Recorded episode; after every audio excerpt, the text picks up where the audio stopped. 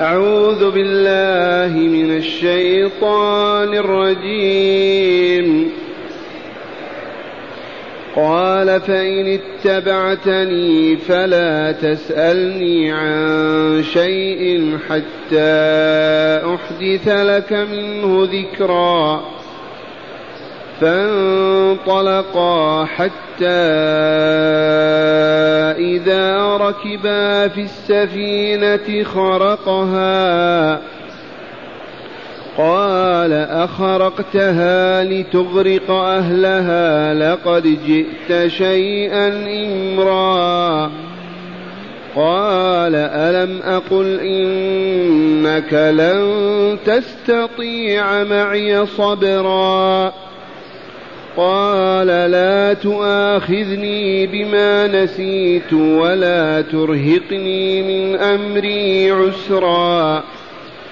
فانطلقا حتى إذا لقيا غلاما فقتله. قال أقتلت نفسا زكية بغير نفس لقد جئت شيئا نكرا. أعوذ بالله من الشيطان الرجيم. قال فإن اتبعتني فلا تسألني عن شيء حتى أحدث لك منه ذكرا. فانطلقا حتى إذا ركبا في السفينة خرقها. قال أخرقتها لتغرق أهلها لقد جئت شيئا إمرا. قال ألم أقل إنك لن تستطيع معي صبرا.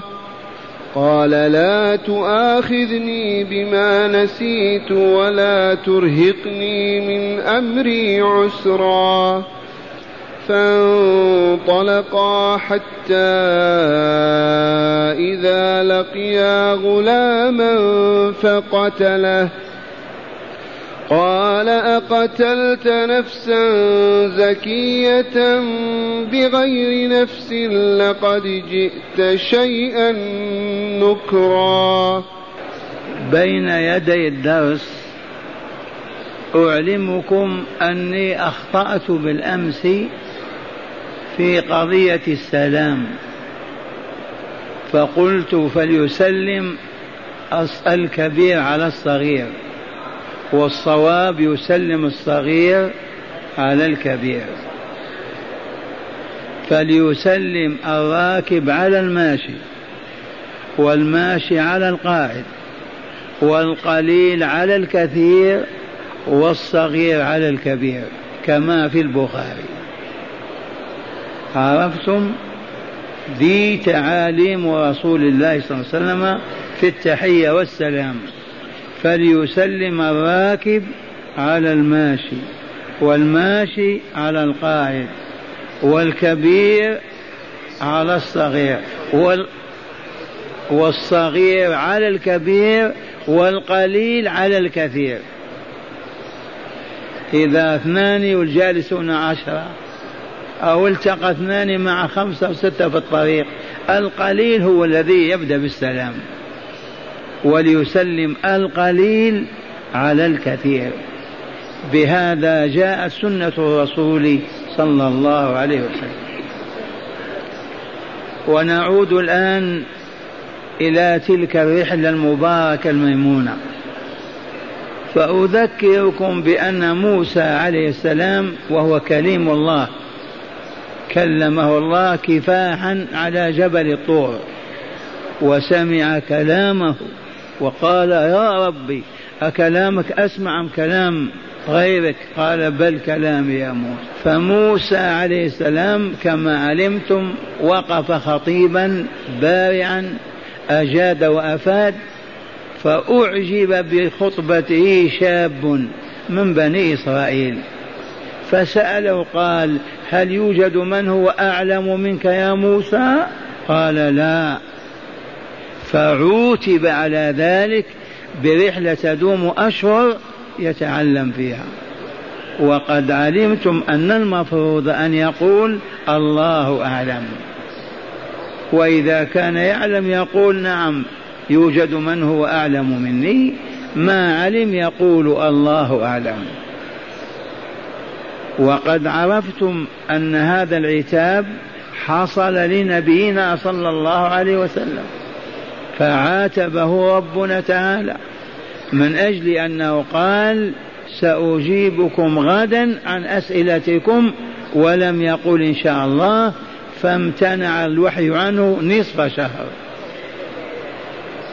ونزل قول الله تعالى من هذه الصورة ولا تقولن لشيء إني فاعل ذلك غدا إلا أن يشاء الله إلا أن تقول إن شاء الله. ومن ثم لم يعرف أنه أخبر عن ما هو مستقبل ولم يقل إن شاء الله. ومن ثم أخذ المؤمنون والمؤمنات بهذا المبدأ أو هذا المسلك الرشيد إذا قال أحدنا أسافر يقول غدا إن شاء الله. متى ننزل عندكم الساعة كذا إن شاء الله. دائما إن شاء الله. وهو الواقع. إن لم يشأ الله تفعل أنت والله ما تفعل. أحببت أم كرهت لا بد أن يشاء الله. فموسى عليه السلام لما قال هذه الكلمة قال الله تعالى بلى عبدنا خضر أعلم منك. بلى عبدنا خضر أعلم منك قال أي ربي يا ربي أين أجده أطلب العلم عنه. قال عليك بمجمع البحرين القرية الفلانية أو المدينة عند ملتقى البحرين تجد هناك من هو أعلم منك. وخذ حوتا سمكا غذاك وغذا فتاك يوم تفقدانه ثم تجدان الخضر عليه السلام. وأخذ مكتل فيه حوت مشوي مطبوخ ومشيا وجاء وقت الراحة فاستراح ونام. وإذا بالحوت يخرج من المكتل ويدخل البحر والبحر انشق له طريقا كالنفق. يوشع بن نون عليه السلام كان بين نائم ويقظان. شاهد الحوت كيف خرج من المكتل ودخل البحر لكن غلبه النوم ما أخبر. النوم أغلب. لما قام مشيا يطلبان الرجل فتذكر قال إني لا قال موسى آتنا غداءنا لقد لقينا من سفرنا هذا نصبا. قال أرأيت إذا وينا إلى الصخرة فإني نسيت الحوت. وما أنسانيه إلا الشيطان أن أذكره. واتخذ سبيله في البحر عجبا. قال ارجع بنا إذا هذا هو المكان. فعاد فرجع فإذا بخضر عليه السلام نائما فوق طنفسة خضراء وعليه أيضا غطاء غطى رجليه ورأسه ونائم. جاء موسى السلام عليكم.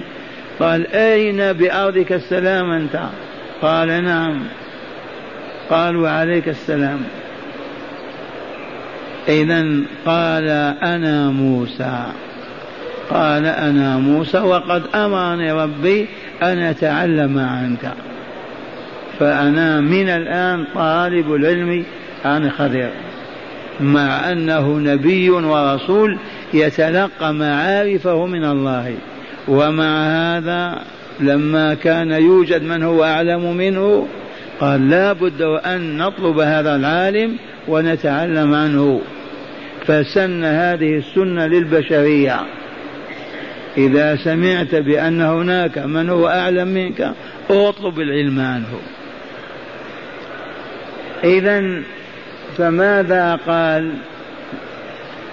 قال له موسى هل أتبعوك على أن تعلمني مما علمت رشدا؟ يستأذن بأدب واحترام تسمح لي أن أمشي معك وأن أطلب العلم عنك؟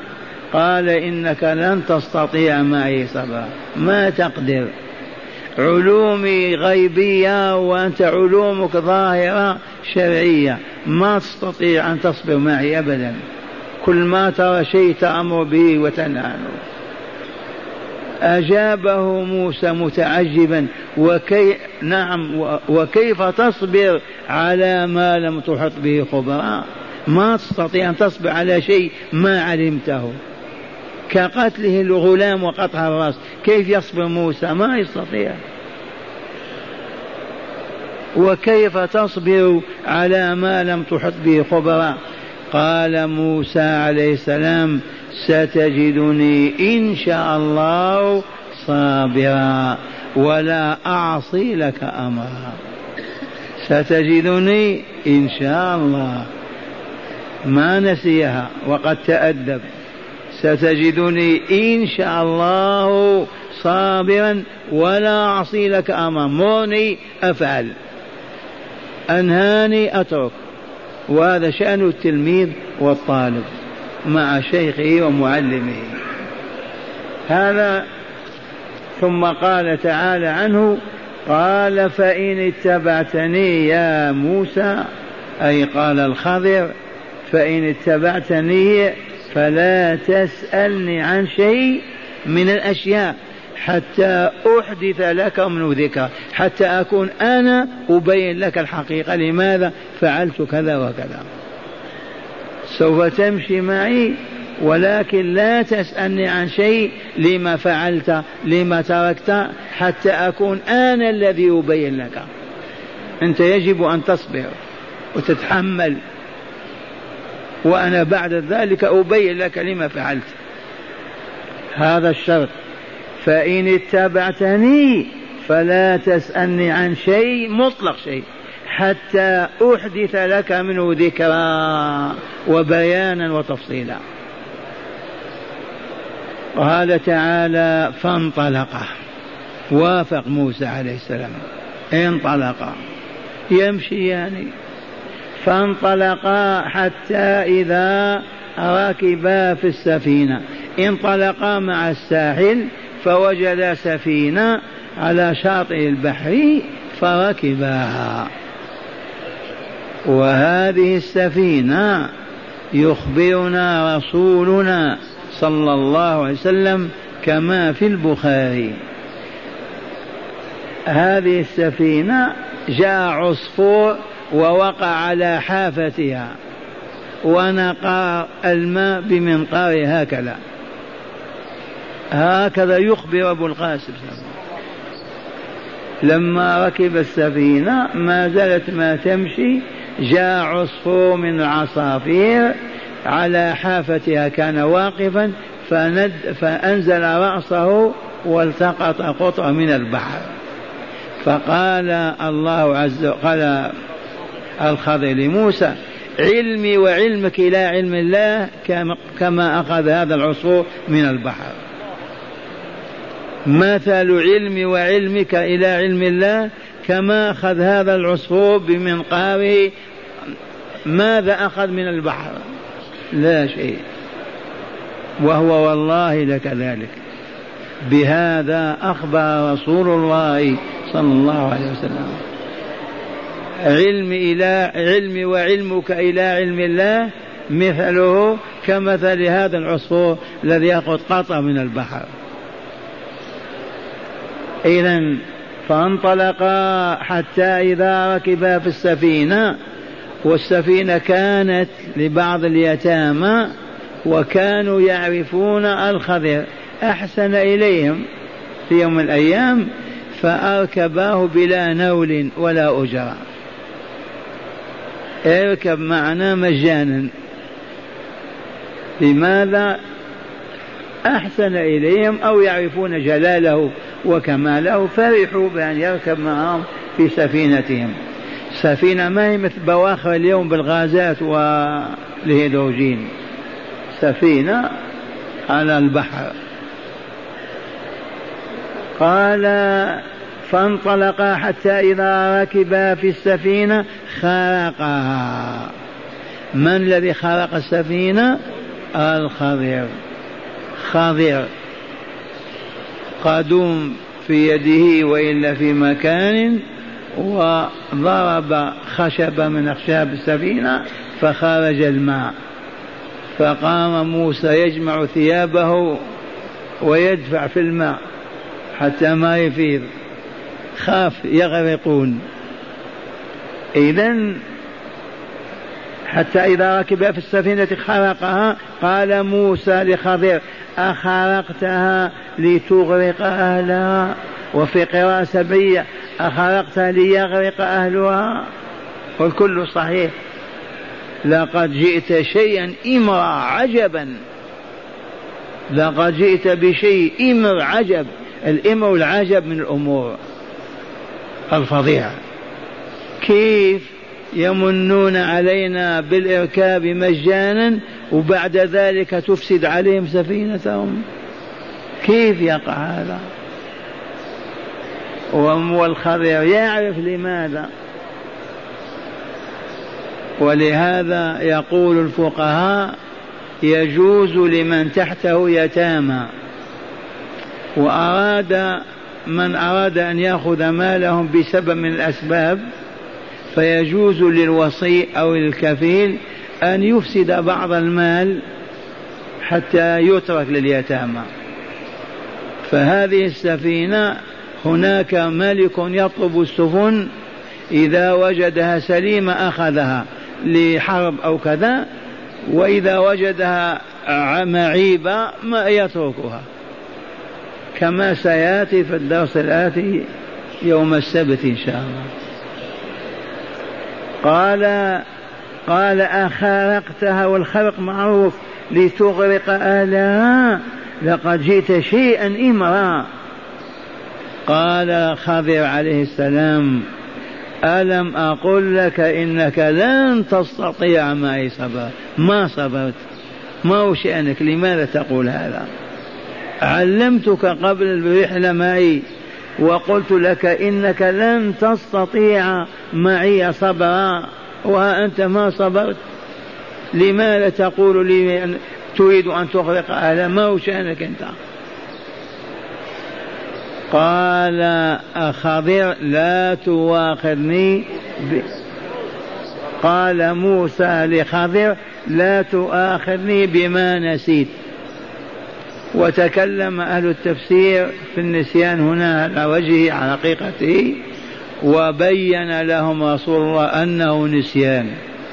نسي. ليست القضية كدرس هذه. تبهتم الله مسافات يقطعونها وأيام وليالي ينسى. قال لا تواخذ بما يعني من يوم تعاهد معه إلى هذا اليوم يعني يوم واحد يعني ممكن عام وعامين وهو يطلب العلم معه. فنسي. لا تواخذ بما قال نبينا صلى الله عليه وسلم ونسي موسى بالفعل. والله أخبر أنه نسي. قال ألم أقل لك إنك لن تستطيع معي صبرا قال لا تؤاخذني بما نسيت ولا ترهقني من أمري عسرا. ما تغشاني به أتعاب ما أطيقها. ارحمني لأن هذا أمر ما يطيقه أخذ ولا ترهقني من أمري عسرا ولا تواخذني بما نسيت. إذا وانطلقا. نزل من السفينة وهم في مدينة من المدن. بعد يوم بعد شهر. فانطلقا يمشيان. حتى إذا لقيا غلاما. وأهل التفاسير من, من يقول شاب ويطلع عليه غلام والصحيح والله لغلام صغير. ما بلغ سن الرشد ولا التكليف وإلا كيف يقول تعالى نفسا زاكية زكية. معنى هذا وجد طفلا صغيرا يلعب مع الأولاد فنظر إليه فعرف بالوحي الإلهي فالتفت يمينه وشماله ولوى رأسه وقتله. هذه كيف يطيقها موسى؟ هذه ما تطاق. قال فانطلقا حتى إذا لقيا غلاما فقتله.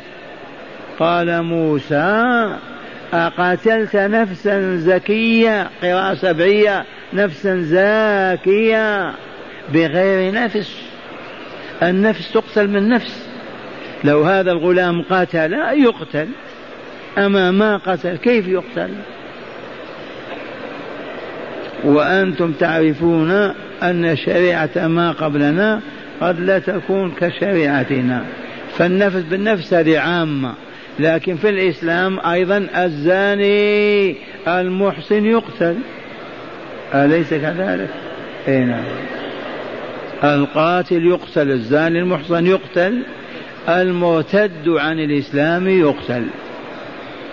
وفي هذا يقول الرسول صلى الله عليه وسلم لا كل لا يحل دم امرئ مسلم إلا بإحدى ثلاث واحدة من ثلاث خصال النفس بالنفس والزاني المحسن المحسن والتارك لدينه المفارق للجماعة. ممكن الإخوان يحفظون هذا الحديث؟ هيا بسم الله عز وجل. لا يحل دم امرئ مسلم. لا يحل إراقته قتل صاحبه. لا يحل دم امرئ مسلم. إلا بإحدى ثلاث بواحدة من ثلاث خصال. إلا بإحدى ثلاث النفس بالنفس. من قاتل يقتل ولا حرج. الثيب الزاني من هو الثيب؟ الذي تزوج وطلق أو ماتت زوجته أو بقيت زوجته عنده بمعنى عقد عقدة نكاح ونكح امرأته وعرف هذه الفظيعة أو الفضاحة ثم ارتكبها. أما غير المحصن ما تزوج ولا يعرف ووقع في زنا يجلد مئة ويغرب سنة. البكر البكر الذي لم يسبق له الزواج وزنى الحد الشرعي فيه أن يجلد مئة جلدة بعصا أمام الناس ثم يغرب سنة فعل في المدينة يبعثونه إلى جدة إلى الطائف إلى رابق إلى ينبع والسر في هذه الحقيقة لأنه لو جلد وشاهده الناس يجلد غدا يمر في الشوارع يقول هذا هو. فيذكرهم بالزنا والعياذ بالله تعالى. فمن هنا أبعدوه عن أعين الناس حتى تبتعد هذه الفاحشة من قلوب الناس. فهمتم هذه اللطيفة وإلا لا؟ لماذا ينفونه سنة؟ من أجل لأن لا يقول هذا فعل. ما فعل؟ زنى. الحديث عن الزنا يدعو إلى الزنا. ذكر الفاحشة والتحدث بها يثير الغرائز ويبعث الناس إليها. فلهذا ما نتكلم بهذه الكلمة. والشاهد عندنا حفظتم هذا الحديث؟ والله خير لكم من خمسة آلاف ريال. هيا. لا يحل دم امرئ مسلم إلا بإحدى ثلاث قولها بالبربرية إلا واحدة من ثلاثة. ما يضر. ما هي؟ النفس بالنفس. من قتل يقتل. من قتل ظلما وعدوانا يقتل الثيب الزاني الثيب ذاك الذي تزوج وعرف الزواج ما هو؟ ووطئ النساء يقتل. التارك لدينه المفارق للجماعة. الجماعة التي تخرج عن إمام المسلمين يقاتلها المؤمنون حتى تعود إلى الرشد والصواب. فارقوا الجماعة. التارك لدينه المرتد المفارق لجماعة المسلمين. والآن قال فانطلقا حتى إذا لقيا غلاما. تعرفون الغلام؟ الصواب أنه الطفل الصغير. ما بلغ سن الرشد ما زال في التاسعة في العاشرة في الثامنة. فقتله من قتله خضر هو الذي قتل الغلام بأمر من الله وتعالي من الله عز وجل.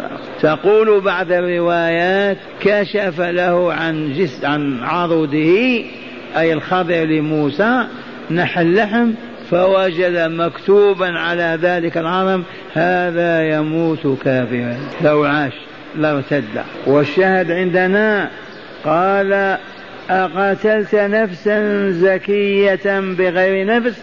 لقد جئت شيئا نكرا والنكر المنكر الذي تنكره الشريعة والعقول. فعلت شيئا منكرا وهو كذلك. اسمعوا شرح الآيات من الكتاب مرة ثانية. قال ما زال السياق الكريم في الحوار الذي دار بين موسى عليه السلام والعالم الذي أراد أن يصحبه لطلب العلم لطلب العلم منه وهو خضر.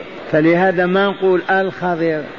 خضر بدون ال فإذا هو خضر قوله تعالى قال أي خضر فإن اتبعتني مصاحبا لي لطلب العلم إذا فلا تسألني عن شيء أفعله مما لا تعرف له وجها شرعيا عندك حتى أحدث لك منه ذكرى أي حتى أكون أنا الذي يبين لك حقيقته وما جهلت منه. وقوله تعالى فانطلقا.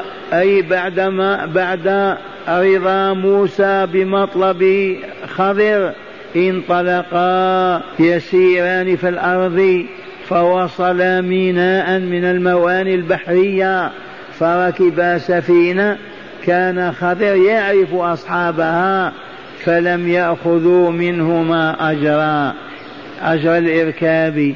فلما أقلعت السفينة وتوغلت في البحر أخذ خضر فاسا فخرق السفينة. فجعل موسى يحثو بثوب له بثوب له الخرق الخرق الذي خرقها ويقول منكرا فظيعا. أفا منكرا فظيعا؟ منكرا فظيعا. ويقول أخرقتها لتغرق أهلها على أنهما حملان بدون نوال. أي مال؟ بدون أجرة. بدون نول. لقد جئت شيئا إمرا أي أتيت بما بما أتيت يا عالم. لقد أتيت يا عالم يعني الخضر منكرا فظيعا. فأجابه خضر بما قضى الله تعالى بما قص الله تعالى. قال ألم أقل لك إنك لن تستطيع معي صبرا؟ فأجاب موسى بما ذكر تعالى عنه قال لا تواخذني بما نسيت ولا ترهقني من أمري عسرا. أي لا تعاتبني أو لا تعاقبني بالنسيان فإن الناس لا حرج عليه. وكانت هذه من موسى نسيانا حقا. ولا تغشي ولا تغشني بما بما يضر علي ولا تغشني بما يعصو علي ولا أطيقه. فتضاف فتتضايق من صحبة إياك. فتتضايق من صحبة إياك. قال تعالى فانطلقا بعد نزولهما من البحر إلى البر فوجد غلاما جميلا وسيما. ذكر ابن جرير أنه يقال له جيسون وقال قرطبي شمعون أو جيسول باللام. جيسون بالنون والكل بمعنى واحد اسم الغلام. أمه يقال لها رحمة ولا فائدة في ذلك. والشاهد عندنا قال وجدا نعم فانطلقا بعد نزولهما من البحر إلى البر فوجد غلاما جميلا وسيما يلعب مع الغلمان فأخذه خضر جانبا وأضجعه وذبحه. قال فقال له موسى بما أخبر تعالى عنه أقتلت نفسا زكية بغير نفس بغير نفس زاكية طاهرة؟ كيف نفس طاهرة؟ لم يذنب صاحبها ذنبا تتلوث به وروحه تتلوث به وروحه ولم يقتل نفسا يستوجب بها القصاص فيقتل. لقد جئت شيئا نكرا. أي أتيت منكرا عظيما. بقتلك نفسا طاهرة لم تذنب ولم تكن. هذه نسيانا من موسى بل كان عمدا. ما اعتذر ما طاق. كان عمدا إنه لم يطيق فعل منكر كهذا لم يعرف أنه وجها لم يعرف له وجها ولا ولا ولا ولا سببا لم يعرف له وجها من الوجوه ولا سبب من الأسباب. وفي الآيات التالية بيان هذه الأحداث. باقي حدث آخر وهو أنه جدار يهدمه ويبنيه من أجل مصلحة لصاحبه. ويفسر تعالى ذلك في الآيات المقبلة. والآن مع هداية الآيات. أي نعم. بسم الله والحمد لله. آه، من بعض هدايات الآيات السابقة أولا طروء النسيان على الإنسان مهما كان صالحا. أي نعم. طروء النسيان على الإنسان مهما كان صالحا. نبيا وليا عالما ربانيا تقيا. لا بد وأن يقع النسيان. ما الدليل؟ موسى نسي. والله شهد بهذا. والرسول يقول نسي موسى. نعم. رابعا مراجعة الصواب بعد الخطأ خير من التمادي على الخطأ. قال تعالى فارتدا على آثارهما قصصا. أعيد مراجعة الصواب بعد الخطأ. مراجعة الصواب بعد الخطأ نعم. خير من التمادي على الخطأ. قال نعم. تعالى فارتدا على آثارهما قصصا. مراجعة الصواب بعد الخطأ أولى. منين أخذنا هذا من الآيات؟ نعم. فارتدا رجع موسى ويوشع على أرجلهما عائدين إلى المكان الذي نام فيه وكان موضع خضر فارتدا على آثارهما قصصا وعاد إلى المكان. بعدما مشوا ما قال ما نرجع. وهكذا كل من أخطأ ينبغي أن يعود إلى خطأه وقد بينت لكم البارحة وإلا أخطأت فقلت وليسلم الصغير الكبير على الصغير والصواب يسلم الصغير على الكبير. والذي جعلني أخطئ ورد أيضا أن النبي صلى الله عليه وسلم من أخلاقه كان يسلم على الأطفال الصغار ليعلمهم السلام. نعم. خامسا تجلي قدرة الله تعالى في إحياء الحوت بعد الموت وانجياب الماء عليه حتى كان كالطاق. فكان للحوت سربا ولموسى وفتاه عجبا. وبه استدل موسى أي بهذا العجب على مكان خضر فوجده هناك. نعم مظهر من مظاهر قدرة الله عز وجل. أليس الله الذي يحيي ويميت؟ فهذا السمك المطبوخ الذي يؤكل حي وعادت إليه الحياة وانطلق في البحر وانفلق البحر له سربا أو نفقا. مظهر من مظاهر قدرة الله وإلا لا وعلمه وحكمته. سادسا استحباب طلب المزيد من العلم مهما كان المرء عالما وهنا أورد الحديث التالي وهو خير من قنطار ذهبا لمن حفظه وعمل به. وهو قول ابن عباس رضي الله عنه قال سأل موسى ربه قال رب أي عبادك أحب إليك؟ قال الذي يذكرني ولا ينساني. قال فأي عبيدك أقضى؟ قال الذي يقضي بالحق ولا يتبع الهوى. قال أي رب أي عبادك أعلم؟ قال الذي يبتغي علم الناس إلى علم نفسه.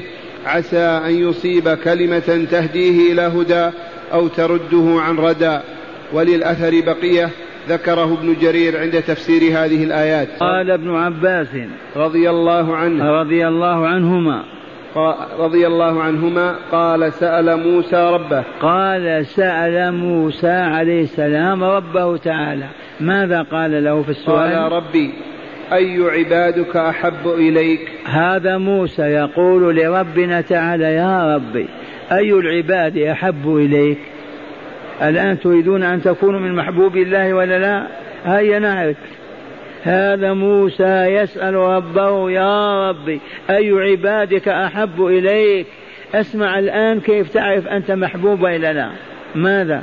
قال الذي يذكرني ولا ينساني. آه الحمد لله. أحب عبادي إلي الذي يذكرني ولا ينساني. فلهذا نقول دائما لا تنسوا ذكر الله في مجالسكم في قيامكم في قعودكم في كل أحوالكم. وقد شاهدت من المستمعين عبدا أصبح لا يفتر يذكر الله وأنا راقبه. الحمد لله. عرفتم أن لا تنسى ذكر الله. راكب ماشي إلا إذا نمت. نعم.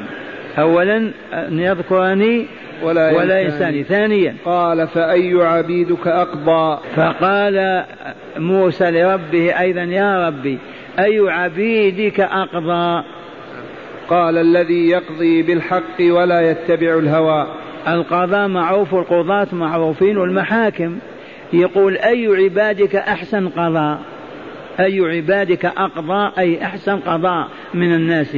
فأجابه الله الذي يقضي بالحق الذي يقضي بالحق ولا يتبع الهوى. هذا أقضى القضاة حقا وصدقا.